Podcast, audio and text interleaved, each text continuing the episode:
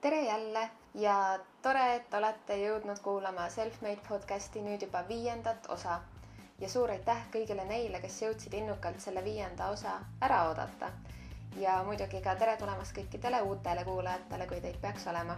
mina olen Piia ja tänases saates ma räägin Eva Essega, kes on Raadio kahe ajakirjanik ja tegelikult ka ETV ajakirjanik ja tegelikult on ta teinud ka dokumentaalfilme me räägime tänapäeva ajakirjanduse tempost ja tema tööst ERR-is ning sellest, kuidas ta üldse jõudis ajakirjanduse ja raadiotöö juurde ning eh, näiteks ka sellest, eh, mis tunne on töötada organisatsioonis, kus sa tahad töötada veel ka järgmisel kümnel, kahekümnel ja kolmekümnel aastal kuna me oleme Eevaga sama instituudi kasvandikud ja sama erialase taustaga, siis, siis võib-olla sai see, see osa natukene liiga ajakirjanduse keskne, aga, aga tegelikult me räägime natukene ka tehnoloogiast, natukene ka saavutusvajadusest ja natukene, natukene ka sellest, et lõppude lõpuks oleneb kõik sellest, kui paksu nahaga, kui innukas ja kui südikas sa ise oled boonuspunktid kõikidele neile, kes loevad ära, mitu korda Eeva koerakene Moona ennast salvestamise jooksul kuuldavaks tegi. Ta oli natukene kärsitu meil seal stuudios, aga ma usun, et need haugatused ei sega kedagi, vaid hoopis võib-olla teevad seda atmosfääri natukene kodusemaks. igatahes nautige Eeva mõnusat, rahulikku ja mahedat häält, nautige vast alanud kevadet ja head kuulamist. mul on hea meel, et sa oled tulnud minu saatesse, minu podcasti mina tean sind ja ma arvan, et väga paljud teavad sind kas või sinu hääle järgi, aga neile, kes võib-olla ei ole tuttavad, kes võib-olla Raadio kahte ei kuula ja ETV-d ka nagu ei vaata, siis võib-olla sa tutvustad ennast põgusalt, et kes sa oled ja mis sa teed? mina olen äh, Raadio kahe ja Eesti Televisiooni ajakirjanik, võib-olla siis äh, paremini öeldes Eesti Rahvusringhäälingu saatejuht. teen erinevaid asju Äh, Eesti Rahvusringhäälingus ja võib-olla jah, siin äh, kuulajatele natukene informatsiooniks, et see, mis meil siin taustaks võib-olla natukene annab äh, soundtrack'i. meeleolu. jah, meeleolu on, on keegi, kellega ma tegelen oma vabal ajal, kui ma Eesti Rahvusringhäälingus ei viibi, aga kes täna sai kaasa võetud, kuna ma ei tahtnud teda koju võtta. see on koer Moona, kes on ülimalt aktiivne ja aitab mul tööpingeid maandada kodus aga räägi, kuidas sa jõudsid ajakirjanduse juurde, sest et äh, mulle nagu tundub, et on mingi kindel äh, tüüp inimesi, kes on sellised äh, nagu peast ajakirjanikud, et kes teavad, et nad tahavad seda teha täitsa kuskilt põhikooli lõpust alates, on ju. ja mul on nagu mulje jäänud, et sina oled üks neist, kes on selline südamest ajakirjanik. mul on väga tore, et sul selline mulje on jäänud, aga tegelikult on hoopis risti vastupidi. see on see teine tüüp, kes kuidagi juhuslikult jõuavad sinna um kuidas ma jõudsin, no kõige õigem ja ausam vastus on ilmselt see, et ema soovitas. et ega ma tegelikult suurt ei teadnud, mida ma oma eluga pärast keskkooli peale hakkan. üks variant oli minna saksa filli õppima ja teine variant oli ajakirjandus. aga siis äh, oligi selline mm, kahe vahel olukord, et mida siis teha et kui ajakirjandusse tasuta koha peale sisse ei saa, siis kui mina kooli läksin, siis veel olid ka tasuta ja tasulised kohad, need on seal vist kõik tasuta, nagu ma põhi, põhimõtteliselt tasuta, aga samas na-, natukene pole ka. on vist niimoodi, et kui sa ei tee kui sa ei tee ära, siis sa pead hakkama maksma, jah? jah, eks tasuta asju ei olegi päriselt ja. olemas. Eh, ja õnnestus eh, väga hea sisseastumistulemus saada ajakirjanduses ja õnneks ma sinna sain, sellepärast et ma tegelikult ka ei kujutaks ennast ette saksa fillina, olgu see siis saksa keele õpetaja või, või giid või, või ükskõik kes kes saab siis saksakeelse taustaharidusega midagi teha. aga said sa kiiresti aru, et sa oled õiges kohas õigete inimestega, ei? ei, üldse mitte. ma arvan, et mul oli teise kursuse lõpuni veel täiesti küsimus, et kas see on üldse midagi mulle. ja, ja siis kuidagi käis see klõks ära, kuigi seltskond äh, minu kursusel oli lihtsalt niivõrd äh, niivõrd kihvt ja, ja äge, et, et seda momenti mul ei olnud, et ma nüüd nende inimeste sekka ei kuuluks, aga aga eriala kui selline tekitas minus pikalt kahtluse, et kas see on ikka mulle. ja see, et ma äh, üldse tele ja, ja raadio poolt tänaseks päevaks äh, teen, käis ka niimoodi teise kursuse lõpus alles nagu klõks läbi, et ma ikkagi alguses kujutasin ennast ette kirjutava ajakirjanikuna mm. -hmm. tänasel päeval ma ei kujutaks absoluutselt ette, et ma teistsugust tööd teeksin no seal ajakirjanduse teisel kursusel on ka need äh, kõikidele ajakirjanikele legendaarsed reporteritöö ained, mis mingil hetkel tõmbavad vist kõigil äh, vaiba jalge alt ära. mulle tegelikult reporteritöö kursus meeldis kõikidest ainetest kõige-kõige rohkem. ja ma nüüd kusjuures kahjuks ma ei mäletagi, et kas ma olin äh, ma ei tea, kuidas praegusel juhul on, aga minu aastal andsid reporteritööd Marju Himma Kadakas ja Priit Pullerits. Ma ei ole nüüd lõpuni kindel, kumma, kumma ainet ma siis võtsin kumma grupis ma olin, aga, aga see oli päris kihvt, tead, ma vist ikkagi olin Pulleritsu grupis ja seal käis ikkagi korralik andmine. eks ta, eks ta natukene moonutatud äh, on, see äh, sealne keskkond, mis, mis luuakse reporteri tööst kui sellisest ja see, mis see noh, päriselu siis on. aga ma arvan, et ta annab äh, päris äh, kõva aluse alla ja mingisuguse maitse suhu, et kui sa, kui sa seal hakkama saad kenasti mm -hmm. kooli ajal, siis äh, tegelikult pärisellu tulles noh, sul juba mingisugune pidepunkt olemas. ja mingid eeldused ka ilmselt olemas. jah. kui suurt rolli mängisid selles arusaamises, et, et jah, et sa nüüd ikkagi oled ajakirjanik või võiksid ajakirjanik olla, mingid praktikad, mis sa tegid kooli ajal või mingid muud asjad, mida sa kooli kõrvalt tegid? ma arvan, et need mängisid väga suurt rolli, sellepärast ma tegelikult käisin ikkagi kooli ajal juba Tartu stuudios äh, abis asendusi tegemas raadiouudistele ja AK-s äh, suvepraktikad, et, et eks see andis nagu esimese mm, sellise tõuke küll, et, et see on nagu, et see on nagu äge ja seda ma tahaksin teha. ja eks mul tegelikult läkski väga hästi sellega, et äh, kui ma oma kooli lõpetasin, siis just oli lahkunud Aktuaalse Kaamera majandusuudistest äh, Katrin Jürisaa, tänapäeval teevad teda nimega Katrin Aarma, äh, ja tema koht jäi vabaks ja õnnestus mul läbi konkursi siis äh, sinna kohe tööle saada, et, et tegelikult see, et ma sain otse ülikoolist ja Aktuaalsesse Kaamerasse kohe tööle, oli väga suur muidugi vedamine mm, -hmm. aga teisalt eelnes sellele ikkagi ka päris suur töö, sest et ma tegelikult ju kogu kooliaja kogu aeg käisin ja pendeldasin ja, ja tegin asju et eks ma sellega andsin mingisuguse panuse juba varasemalt selleks, et ma, et ma niivõrd libedalt ja ruttu pärast äh, kooli tööle ka saaksin mm. -hmm. Ja nüüd sa oled raadios, teed äh, igapäevaselt äh, päevakajasaadet Agenda. kuidas see nagu töörütm sulle sobib?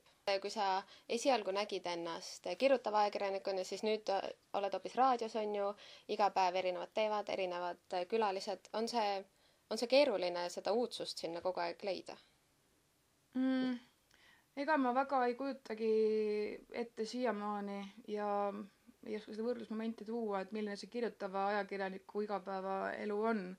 sellepärast, et ega ma isegi mitte praktikat üheski sellises väljaandes ei, ei teinud. aga ma olen siia rütmi juba niivõrd hästi sisse saanud, et et ma ei oska küll midagi öelda, et, et, et ta ei, ei sobiks või oleks kuidagi Äh, ma ise võtan oma saadet pigem niimoodi, et ma üritan leida mitte nüüd teema number üks teemad, mis võib-olla on praegusel ajamomendil kindlasti portaalides esilood.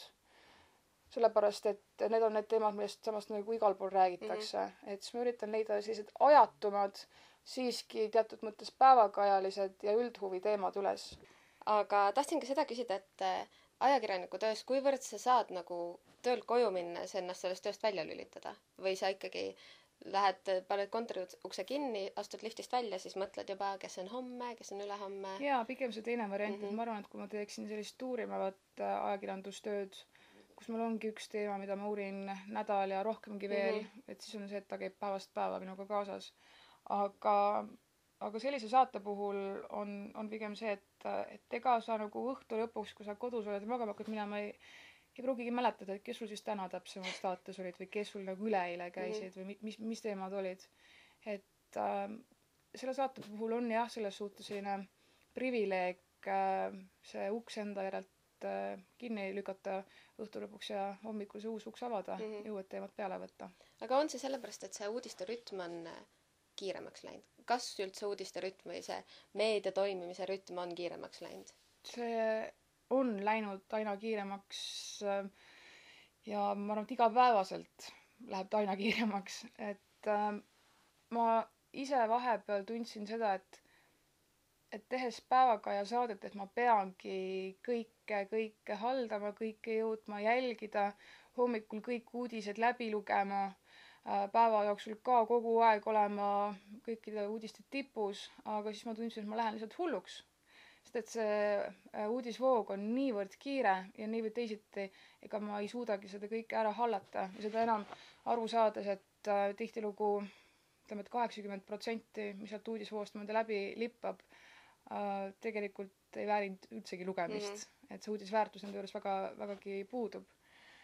et ma proovin terad sõkaldest teatud määral äh, eraldada ja fokusseeridagi mingisuguste kindlate teemade peale mm. -hmm. ja, ja mitte ennast selles mõttes nagu üle küllastada kogu selle hullusega, meedia hullusega, mis, mis ümberringi käib aga kui raske see on sinu jaoks nagu aru saada sellest, mis on oluline, mis ei ole, mis on see, mida võib-olla sina tahaksid kajastada, aga mida võib-olla kuulaja nii väga ei, ei taha või noh, mitte ei taha kuulda, aga mis tema jaoks ei ole nii oluline. Mis selle fookuse sa nagu võtad või kelle aspektist sa valid seda? Äh, tead, see on selline mm, olukord, et ma tunnen, et, et mida rohkem aeg edasi, et, äh, et ma aina rohkem tunnen seda, et eks see tuleb kogemusega ja ajaga see oskus ähm, äh, teha saadet selliselt, et, et see naelapea pihta tabamine aina täpsemaks läheb. Ma olen, nagu ma ütlesin, sellise rahupunkti leidnud, et ma ei pea kõigega kogu aeg kaasa minema, et see, mis on nagu top viis uudised tänasel päeval, et ma ilmtingimata ei pea just neid kajastama, vaid ma kajastaksin hea meelega neid teemasid, mis mulle, pannes iseennast kuulaja olukorda, võiksid suuremal või vähemal määral korda minna. Et siis ma pigem valin sinna asemele hoopis mingisugused sellised teemad, mis võiksid kuulajat rohkem sellisel päeval huvitada, kui nad nagunii võib-olla õhtustes uudistes kuulevad, millised äh, vallad omavahel on karupidi kokku läinud mm. -hmm. ja mulle tundub, et sulle kuidagi on külge hakanud igasugused äh, infotehnoloogia teemad. kas see on ka kuidagi teadlik valik? ei ole, see on kuidagi lihtsalt niimoodi kujunenud. Äh, ja koostöös Ronald Liivega, kui me temaga hakkasime kunagi tegema Tehnikaminuteid, ma olen sinna nagu valdkonda sisse sulandunud, et ma ei saa mitte kuidagigi öelda, et ma olen asja spetsialist mm. -hmm. ma olen lihtsalt asja entusiast ja huviline ja ma arvan, et, et sellise mm, ajakirjandusliku teema peegeldusega olen, olen teatud määral ka asjadest selles valdkonnas rohkem aru hakanud saama mm. -hmm. aga ta lihtsalt pakub huvi. on kihvt käia ajaga kaasas ja uue, uuemate tehnoloogiliste muudatustega äh, ka läbi siis oma saate mm -hmm. inimesi kursis hoida. ja ka Kapitali saate tegelikult ju. ma ei tea, kui palju seal nüüd seda infotehnoloogiat äh, on nüüd minu poolt sisse toodud, et et võib-olla jah, et kuna ma olen seal tehnoloogiamessil nüüd kahel aastal käinud, et, et võib-olla siis küll, aga ma arvan, et see üldhuvi aspektist jääb ikkagi sellisesse majandusvaldkonda mm, -hmm. mis millest millegipärast on mind tõesti päris pikalt nüüd saatnud alates, eks ole, Aktuaalsest Kaamerast ja nüüd kuni siiamaani välja Kapitalis ja, ja ka tegelikult raadiosaadetes väga mitmed teemad sinna valdkonda lähevad, mis on minu jaoks hästi, hästi huvitav asjade äh, käik elus, sellepärast et äh, matemaatika kui selline oli koolis viimane asi mida ma õppida tahtsin äh,. Sain sellest küll aru, ma, ma sain ka enam-vähem hinded kätte, aga matemaatika kontrolltöö on kõige suurem õudusunenägu minu jaoks. ja kui ma keskkooli lõpetasin ja siis aru sain, et lähen ajakirjandust õppima ja see on nüüd minu kutsumus äh, tulevikus ilmselt, siis kõige suurem tagasilöök selles osas oligi see, et kui sa saad aru, et esimeses äh, esimesel kursusel, esimeses semestris on sul juba majandusained ja siis sa selle majandusaine teed ka ära niimoodi, et nutumaik on kurgus, saad selle aine läbitud, saad oma ainepunktid kirja ja siis mõtled, et mitte kunagi enam sa majandusega kokku ei puutu. ma ei tea ka väga kedagi, kes läheks kooli, ütleks, et vot mina tahan saada majandusajakirjanikuks. kui kellelgi ongi selline soov olemas, siis ma pigem isegi arvaks seda, et kõige parem majandusajakirjanik on inimene, kes on töötanud majandusvaldkonnas, kes on majanduse poole ka eelnevalt õppinud ja, ja siis äh, leiab äh, tee ajakirjandusse. et äh, noh, olles lõpuni aus, siis tegelikult ajakirjandusharidusega näiteks kas tele- või raadiotöötajaid, ma arvan, et nüüd, see võib olla nüüd liiga julge üldistus, aga ma arvan, et need on ikkagi alla poolte. et väga paljud on kuidagi lihtsalt oma tee siia leidnud ja ei ole selle võrra küll kuidagi halvemad, et neil nüüd sellist akadeemilist ajakirjandusharidust ei ole. et ähm, aga kas see võib olla ka mingi põlvkonna teema, sest et äh, no ma olen ise lehes praktikal käinud ja siis äh, seal oli hästi palju seda, et, et ja, ja et äh, et üheksakümnendatel paljud ajakirjanikud ei olnudki need, kes läksid õppima, vaid kes lõid jalaga toimetuse ukse lahti ütlesid, et võtke mind nüüd tööle. et kas, kas mingi sarnane sihuke praktilise kogemuse tendents on siis teles ja raadios ka? Või see on ikkagi kuidagi sihuke, et et see point, valdkond on kuidagi leidnud neid inimesi? et see, et see on nagu hea, hea point, mis sa välja tõid, et, et eks ongi praegu põlvkondade erinevus ka, sest et äh, praegusel juhul, kui vaadata uuema aja ajakirjanikke, enda põlvkonna ajakirjanikke, siis nad kõik ikkagi on tulnud kas Tallinna või Tartu Ülikoolist ja ajakirjanduserialalt ähm,. ma arvan, et võib-olla siin saab äh, kümne aasta pärast tagasi vaadata, vaadata sellele samale küsimusele, siis äh, võtta see pilt kokku, et, et kas on tulnud kuskilt mõned äh, kõvad startup tegijad võib-olla äh, ajakirjandusse või noh, ma muidugi väga, väga kahtlen selles, et, et see liikuma niipidi käiks, aga aga ilmselt jaa, on selline põlvkondade vahe ja üheksakümnendate eripära, et, et miks neid äh, teiste valdkondade inimesi või ei kuskilt tulnud ajakirjanikke, kes on väga, väga tugevalt ennast üles töötanud, meil tänapäeval veel kõvasti on. mm. -hmm. Tahaksin tagasi pöörduda selle juurde, sa rääkisid, kuidas, kuidas sa mingi hetk üritasid eh, kõiki uudiseid lugeda ja ennast kõigega kogu aeg kursis olla. üks hästi kuidagi valuline teema, mida ma olen märganud eh, meie instituudi bakatöödes, on see, et päris palju uuritakse noorte ajakirjanike läbipõlemist. kas, kas see töö on siis nii stressirohke? Või on see kunagi sinu jaoks nagu olnud pro- probleem, et sa tunnedki, et sa pead nagu sammu tagasi astuma? ma ei tea, kas ma olen kõige parem äh, näide oma nii-öelda erialaspetsiifikalt ähm, s- siin nagu mingisuguseid üldistusi enda põhjal tegema äh,, sest et ähm, ma arvan, et selline läbipõlemismoment ja tohutu kiirus ja ja, ja sellised teemad tulevad kõige rohkem esile ikkagi uudistetoimetustes mm. -hmm. no minu puhul siis näiteks Aktuaalse Kaamera kogemuse põhjal võib-olla ma võin midagi siis arvata Äh, sest praegusel juhul, kui ma räägin stressist või läbipõlemisest, siis see pigem tuleb sellest, et see töökoormus on lihtsalt sedavõrd suur. mm. -hmm. et, et lisaks äh, siin selle raadiotööle veel erinevate muude teleasjadega tegeleda, et, et äh, nädala lõpuks ongi vaim, vaim nii kustunud, et äh, kahest päevast väljapuhkamiseks ilmselgelt ei piisa. et, et siis ma arvan, et võib-olla uudiste poole pealt võib seda olla küll, kuigi see on jällegi ka selline valdkond, kus äh, tööstress ja läbipõlemine võib suuresti tulla äh, inimsuhete, inimsuhetes tekkinud probleemidest, sest et see on ikkagi valdkond, eriti televisioonis, kus on väga suured isiksused kokku sattunud ja väga suured iseloomud. Et nende põrkumisel võib igasuguseid asju juhtuda. Mm -hmm. aga ma arvan, et, et see on ka jällegi valdkond, et, et kuhu, kuhu jõudmiseks ja kust läbilöömiseks sul peabki olema ikka päris äh, äh, tugev nahk ja see tugev nahk tuleb ajaga ja, ja eks noorel inimesel seda nahka ei olegi võib-olla niivõrd palju, et et ma arvan, et see on kuskil viis-kuus aastat sa või pead vähemalt töötama, enne kui, enne kui sul, kui mingisugune kindlus ja pidepunkt üleüldse ajakirjanduses tekib.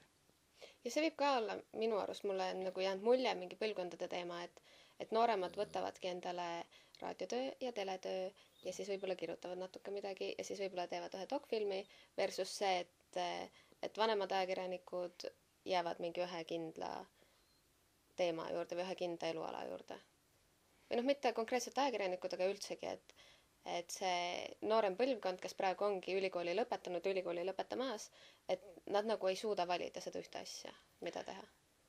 Äh, kas nad ei suuda valida või ma arvan, et siin on teine asi ka see, et selline suur edukultus, mis alati innustab ja, ja kannustab, et sa peadki hästi palju jõudma, sa pead hästi palju tegema, et, et, et saada tunnustust. Ja võib-olla see ongi selline see tunnustuse poole püüdlemine väga oluline asi, mis, mis nagu praegust põlvkonda defineerib, sest et et noh, nii-öelda see võitjate põlvkond, kes üheksakümnendatest tulid, kes, kellel olid mm, sellest ajast äh, sõltuvalt äh, niivõrd palju võimalusi, värske uus riik, kus sai ennast tegelikult, kus Aväki nägi pingutusi ennast väga hästi äh, üles töötada, et aga praegusel juhul on võib-olla mm, see aeg se- sedavõrd palju erinev, et selleks, et kuhugile jõuda ja, ja kuidagi oma märk maha saada, peab sedavõrd palju rohkem pingutama kui võib-olla kunagi siis.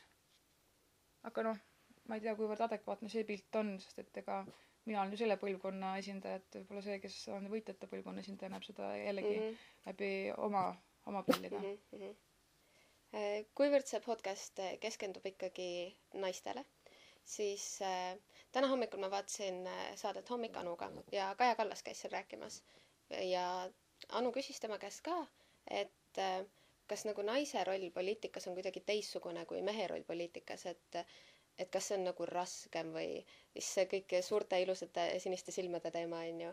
kas naisena ajakirjanduses on kuidagi raskem olla kui, kui võib-olla meestel? mina seda pole küll kordagi niimoodi tundnud.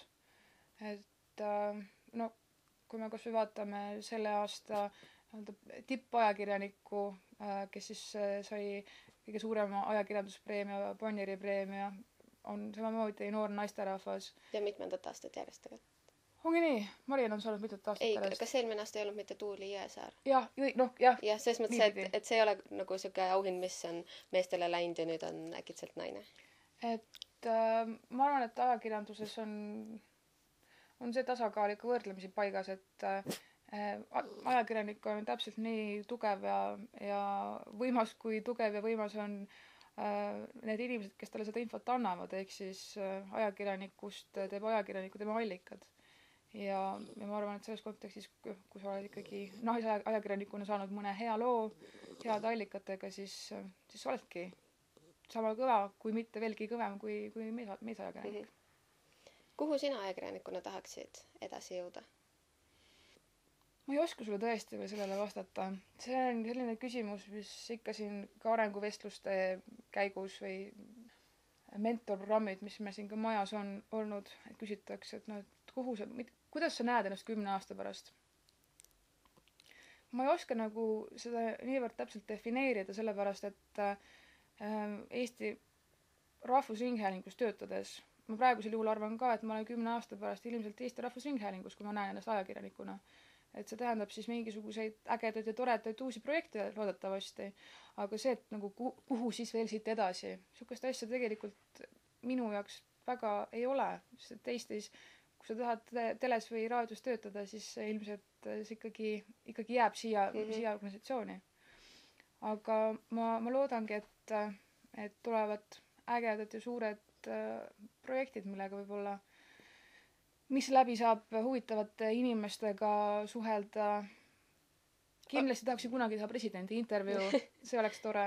et mul on väga hea meel, et sellel aastal tegi intervjuu presidendiga Joonas Hellermaa, mis oli selline ootamatu valik, aga väga õnnestunud valik, et seda on tore näha, et aina rohkem ikkagi noortele antakse võimalusi siin majas mm. -hmm. oled sa muidu looma poolest selline, kes väga ei planeeri ette enda järgmiseid samme? jaa, ma arvan, et see on äh, väga hästi defineeritud. et äh, ma kohati mingisuguseid asju proovin kogu aeg enda kontrolli all küll hoida, aga muidu ma olen pigem ju selline, et vaatame äh,, kuhu elu läheb ja, ja, ja mida elu toob. et sellist, ma, nagu pigem tahakski oma mõttelaiskuses jääda sinna, et, et ma ei pane endale mingisuguseid äh, sihte ette noh, muidugi peab kuhugi, kuhugi pürgima ja, ja mingisugune saavutusvajadus peab inimesel olema, aga, aga kui, no see on selline kahe otsaga asi jälle, et äh, kui sa ei saavuta seda, mida sa ise oled endale ette pannud, siis võib olla pärast selline pettumusmoment veelgi suurem. et kui ma panen endale ette, et ma pean järgmise kümne aasta jooksul tegema kindlasti presidendiga intervjuu, et see, see on minu soov ja tahtmine. et kui seda ei juhtu, siis ma võib-olla pärast mõtlen, et aga siis mul on ju suur ebaõnnestumine seda ka pole vaja mm -hmm.. et tahaksin rääkida veel ka sinu äh, dokfilmist, mis sa käisid Indias tegemas. kuidas sa selle kogemuseni jõudsid? see on järjekordselt asi, mis juht-, juhtus täiesti ootamatult. Tegelikult pidi Indiasse dokfilmi minema tegema praegune Postimehe peatoimetaja Lauri Hussar meil siin Rahvusringhäälingus mm, jagati vist kuskil kümme natukene peale riiki ja teemat välja. mis alustel, seda ma tõesti ei oska öelda, sest mingisugust avalikku konkurssi sinna ei olnud, kuidagi need inimesed sinna välja valiti, aga Lauril äh, ootus ees siis äh, ametivahetus, töökohavahetus ja tema pidi India projektist loobuma äh,. niisiis tegi selle filmi režissöör mulle pakkumise, et kas ma tuleksin tema asemele ja, see on selline pakkumine, kus teist korda mõtlema ei pea. et äh, siis mõtlesin muidugi jah, aga nüüd äh, kui sa enne ütlesidki, et kuidas see tehnoloogia teema sinuni on niimoodi jõudnud, siis mul tuleb, tuleb ka sellega seoses meelde, et aga mul oli ka India film, tehnoloogia teemaline.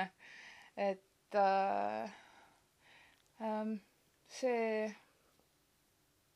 see oli väga huvitav. see kogu India dokfilm ja, ja just nimelt see, et kui me ise mõtleme siin, et me oleme tehnoloogiamaailmas väga tipud ja tipud, mis me mõista, mõistagi mingil määral oleme aga minnes tõesti peaaegu teisele poole maailma, näha seda, äh, millises äh, võib-olla sotsiaalses keskkonnas seal enamik riiki peab hakkama saama ja elama, aga et kuidas läbi infotehnoloogiliste vahendite on inimesed proovimas seda elujärge parandada, et seda on, seda on väga kihvt vaadata. õppisid sa midagi, midagi uudset, midagi enda kohta? sest et kindlasti ju selline äh, kaugel maal dokfilmi tegemine on midagi muud kui tulla Tallinna stuudiosse ja teha siin saadet tahaksid sa veel midagi sellist teha? jaa, kindlasti tahaksin. Ma õppisin seda, et äh, asjad, mis peavad juhtuma, juhtuvad. ehk siis, kui me sinna läksime, ega meil enamik äh, intervjuusid kokku lepitud veel ei olnudki, sellepärast et seal saada neid kokkuleppeid on võrdlemisi keeruline. et küll nad lihtsalt ei vasta sulle kirjadele või ei vasta telefonile et siis me natukene ehku peale läksime sinna, et, et kas me saame selle kätte, mida me tahame või ei saa. aga seal kohapeal olles kõik asjad lihtsalt hakkasid jooksma, et see kaua te olite seal? peaaegu et kuu aega. Kolm, kolm ja pool nädalat mm.. et, äh, et asjad, mis pidid juhtuma, need juhtusid ja see õpetas mulle jällegi, et ähm, tuleb hästi rahulikult võtta. et see, et kui sa lähed närvi ja oled kogu aeg ülimalt pingis, et kas sa saad kätte need intervjuud ja inimesed, keda sul vaja on kätte saada, sest muidu kukub film läbi. et sellel ei ole mõtet, et äh, kui inimest näiteks kasvõi kätte ei saagi, siis pead ruttu reageerima ja mõtlema välja plaani B. ja kui plaan B ka ei tööta, siis tuleb liikuda juba C juurde aga mis oleks juhtunud, kui te ei oleks seal filmiga tagasi tulnud?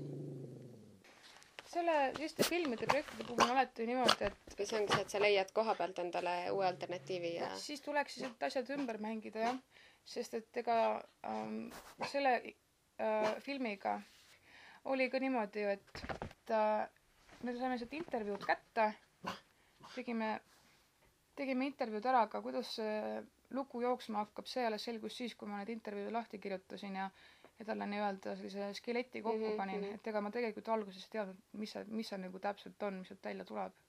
aga kas see on raske niimoodi tööd teha, kui sa ei tea, mis sul lõpuks välja tuleb? absoluutselt. see oleneb hästi tihti nagu olukorrast, aga alati on kindlam töötada siis, kui sul mingi sõiduplaan olemas mm -hmm. on. selle kohta selline hea lugu, näide, et äh, suvel tegin ETV-s olümpiastuudiot ja see on jällegi selline väga huvitav ja hullujul-, hullumeelne väljakutse minu jaoks, sest et ega ma ju spordist suurt midagi ka ei tea. ja küll kergejõustikust ikka tean rääkida, aga noh, ETV kergejõustiku üle ei kannudki mitte. seega jäid sinna igasugused sellised spordialad, millest ma suurt mitte midagi ei teadnud, et iga päev oli väga suur õppetund iseendale. et äh, seal see minu jaoks andiski ainukese kindluse see, et mul oli vähemalt kogu aeg olemas mingi saateplaan, kui ma lähen eetrisse, et ma näen, kuidas asjad jooksevad mm, -hmm. kus on see intro, kus tuleb intervjuu koht, kus mul on intervjuu näidisküsimus sinna ette, ette pandud, et asjad nagu jooksma hakkaks. ja siis, kui ma jõudsin niimoodi saatesse, et printer oli üleval korrusel sporditoimetuses katki läinud ja printida ei saanud ja ma jõudsin niimoodi saatesse, et mul ei olnudki mitte ühtegi paberit ees, et kuidas asi nüüd jooksma hakkab siis mul oli küll ikka niimoodi vererõhk äh, laes ja ka närv nii suur sees, et noh, kuidas ma sealt siis nüüd välja ujun. otse-eetri saade ka, aga siis poole saate pealt äh, tuli kolleeg ja andis mulle selle sõidu, sõidukava ette. Et siis nagu asi hakkas vaikselt juba jooksma.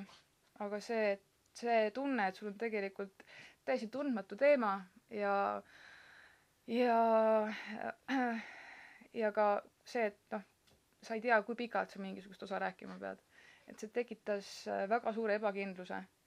aga samas, kui sellise olukorra läbi elad, siis jällegi kasvatab sind ennast ja, ja tekitab enesekindlust edaspidiseks, et neid asju nagu teha ilmselt Rahvusringhääling on ka selline hea keskkond, kus kogu aeg midagi uut proovida, natukene võtta kuskilt siit Jaa. nurgast ja sealt nurgast.